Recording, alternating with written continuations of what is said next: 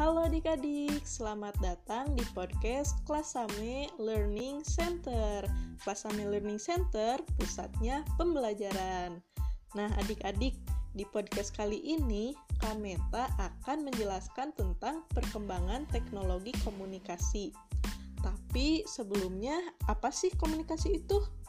Jadi, komunikasi itu adalah suatu proses penyampaian informasi bisa berupa ide, gagasan, atau pesan yang disampaikan dari satu pihak ke pihak yang lain. Komunikasi dapat dilakukan secara langsung maupun tidak langsung. Komunikasi yang dilakukan secara langsung itu tidak memerlukan alat, sedangkan komunikasi yang dilakukan secara tidak langsung memerlukan alat.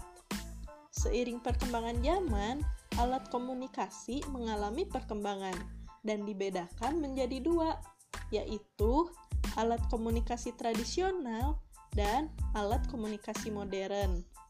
Macam-macam alat komunikasi tradisional di antaranya yaitu asap, pentungan, burung merpati, daun lontar, surat, dan telegraf. Sedangkan untuk alat komunikasi modern di antaranya yaitu radio, koran, televisi, telepon, telepon genggam, laptop, dan internet. Manfaat dari perkembangan teknologi komunikasi ini di antaranya adalah kita dapat berkomunikasi menjadi lebih mudah dan cepat, serta mempermudah akses informasi. Kita juga dapat mengefektifkan waktu dengan memangkas biaya karena dapat terhubung kapan saja dan di mana saja.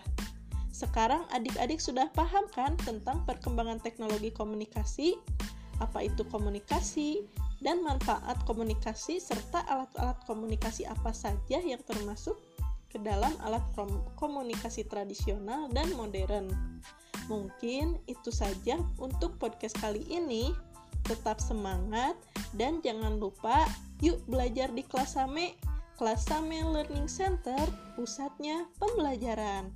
Dadah adik-adik, sampai jumpa lagi di podcast selanjutnya.